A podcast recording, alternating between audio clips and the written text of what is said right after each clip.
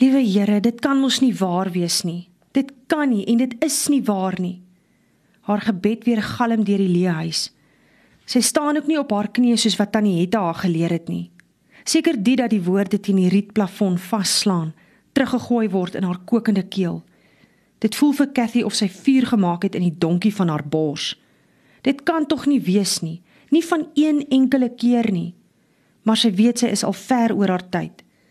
Sy glo dit nie en die woede styg by die twyfel verby. Alles kan mos nie met dieselfde mens verkeerd loop nie. Dis onregverdig. En om vir iemand daarvan te vertel sal nie help nie. Daar's niemand vir wie sy dit kan sê nie en die mense van Muurshoop sal in elk geval maar net sê sy lieg. Op Varkensfontein is daar nie verkragters nie en geen bruilofsgas sal naby 'n vuil vloerlap wil kom nie.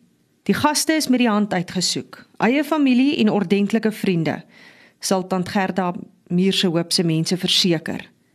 Sy kan net dink hoe Henny haar sal uitlag. Met die vuil manskoen wat sy uit die as uitgehaal het in haar bewende hande, bly sy staan. Sy wou vuur maak, maar nou draai sy die skoen om en om. Sy voel weer die warm asem in haar nek, ruik die drank deur sy hygende mond. Cathy voel weer die pyn in haar spiere soos wat sy spartel, die seer toe hy haar bene oopdwing. Sy maak haar oë toe. Maar toe sy dit weer oopmaak, is die stowwerige skoen steeds in haar hand. Sy sak op die kolekus neer, slinger die skoen onder die stoof in, maar dit bons teen die stoof se punt terug tot tussen haar voete. Vir wie sal sy hierdie skoen wys? Wie sal dit aanpas? Sy kan nie meer huil nie en sy wil nie meer bid nie. Die huil is weg saam met die Here. Eers toe sy klaar die rou snik gehoor het, besef sy dat dit sy is wat uitbars. Sy is swanger. Die dromer is dood. Selfs dit sal niemand glo nie. Wat nog dat dit een van die huweliksgaste moet wees? Nie eens Jopie sal haar glo nie. Of moet sy erken sy is te bang om hom te vertel, want dalk sal die skoen hom pas. Alleen, dink sy, is as daar niemand naby jou is nie en nie eens iemand ver van jou af is met wie 'n mens kan praat nie. Nie eens 'n hond of 'n hoender nie. Ek kan nie anders nie, sê sy vir die koue stoof. Staan op en kyk na die twee Victorian koppies en die gekraakte suikerpotjie al wat van die losper se trek af nog op die tafel bly staan het. Sy tel 'n koppie op en draai dit versigtig in haar hande. Volg die fyn kurwes van die koppie se oor. 'n Oor, dink sy, wat ook nie kan hoor nie. Sy druk die koppie teen haar bors vas en loop by die agterdeur uit. Oor die lei voor, tussen die kleinsdeur, rivier toe. Dit is die enigste oplossing.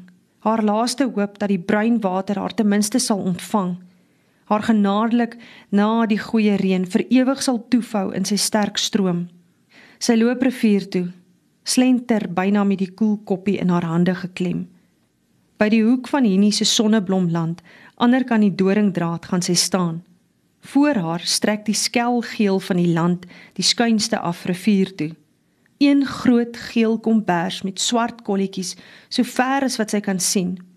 Die koppe gebuig, asof hulle om songenade bid.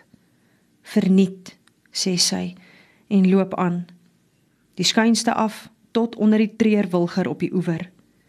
Deur waar die wal skuins afloop, herken sy die plat klip waar die vrouens kleintyd die wasgoed gewas het. Sy sien die wasklip skuins die water inloop en onthou dat dit skielik net onder die breinwater 'n trap maak die dieptes in. Of sal dit vinniger wees om hier voor die wal af te spring in die kuil in? Sy onthou dat oom Gert gesê het dat dit 'n die diep gat in die rivier se wal is waar die ou delwers onwettig diamante in die rivierbedding gesoek het. Die wasklip is beter, stadiger, sekerder en seerder.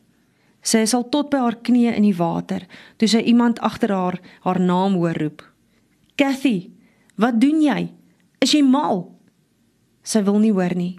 Sy ken Jopie se stem en sy weet hy's te sieklik om agter haar die water in te kom. Sy loop dieper, stadiger, asof sy tog hoop.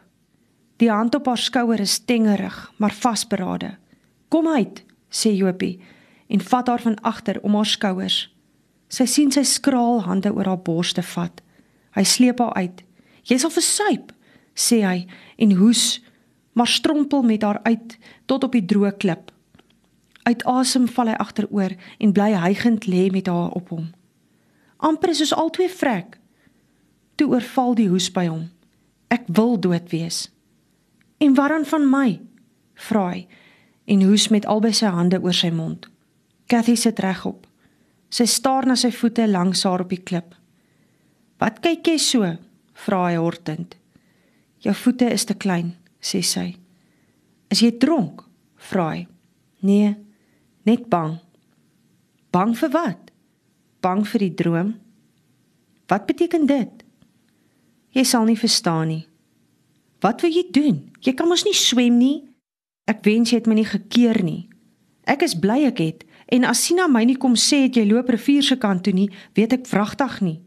"Kom ons gaan terug," sê Cathy en staan op. "Wil jy met 'n koppie kom water skep?" vra hy en kyk na die koppie wat sy steeds in haar hande hou. Dis al wat van my oorgebly het. Jopie kyk net verbaas na haar en probeer opstaan. Sy moet hom help toe die hoes hom weer beet kry. "Kom saam," sê sy. "Huis toe." Jy weet ek mag nie naby die bywoners huis kom nie. Veral nie nou dat die afarm en haar droë dogters weg is nie. Kom, ek wil jou iets gaan wys. Cathy loop en sy weet hy sal agter haar aankom. Sy moet seker wees, maar dit lyk vir haar of die skoen op die kombuisvloer ver te groot sal wees vir sy voete. Miskien herken hy die skoen. Sy laat Jopie op die enigste kombuisstoel sit. Trek sy regterskoen uit. Die nuwe skoen is beslis nie syne nie. Dit is nie hy wat die aand hier by haar was nie. "Waar kry jy die skoen?" vra hy. "Weet jy wie se dit is?" "Sê eers hoe dit hier gekom het." "Wie se skoen is dit?" vra sy. Sy kan sien hy weet aan wie die skoen behoort. My maat vir Henny en vir die strooijonkers almal dieselfde skoene gekoop. Wie was die strooijonkers? Daar was 3, antwoord Jopie. Hoe kry jy die skoen? Jopie was klaar blyklik nie een van die strooijonkers nie en die skoen pas hom in elk geval glad nie. Alleen kan sy haar wete nie meer verduur nie. Die man was hier. Wie? Ek weet nie. Die knop in haar maag skuif soos 'n warm patat in haar borskas op. Sy moet vir iemand vertel. Iemand het my verkrag. Hy kyk haar aan asof hy nie verstaan nie. Hy trek sy asem hygend in. "Is jy seker?" vra hy. "Ek was by," wil sy skree. Maar as daar een mens is wat haar sal glo, is dit Jopie Duisel. Daarom sê sy sag: "Ek is seker." Die aand van die troue Iemand het van die dans af by ons voordeur ingesluip. Sy sluk. Ek was besig om te was toe hy my van agter betrek. Ek wou skree, maar hy het my mond toegedruk en my op die tafel agteroor gedwing. Sy kan nie verder nie. En nou, vra hy. Dit is stil in die kombuisie. Hy wag op 'n antwoord. Hy vra nie of dit waar is nie. Hy glo. Ek is swanger. Die woorde skuur soos dubbeltjies oor haar tong. Swanger? vra hy. Ek verwag. Ek is dragtig, dammit. En nou? Vra tog net iets anders. Vra iets waarop ek 'n antwoord het. Jou paal gaan my wegjaag, van die plaas af smyt, doodskiet dalk, soos wat 'n mens 'n wilde kalf vrek skiet wat aanhoudend draad spring. Wat gaan ek doen? Hoe kan ek vir 'n kind sorg? 'n Kind wat ek nie eers wou gehad het nie. Ek sal met jou trou. Dit was vir haar asof die vyf woorde teen elke muur in die huisie vaslaan. Deur die vier vertrekke hol soos skekkelende henne. Jou ma sal my dan eers wegjaag. Jopie staan op. Skielik lyk hy regopper. Praat sonder om te hoes. Geef my die skoen. Ek sal met my ma gaan praat. Moenie vir haar sê ek verwag 'n kind nie. Sy sal my nooit glo nie. Ons trou. Dan sê ons dis my kind. Hy tel die skoen op en loop. Here, bid sy hart op. Het U my tog gehoor?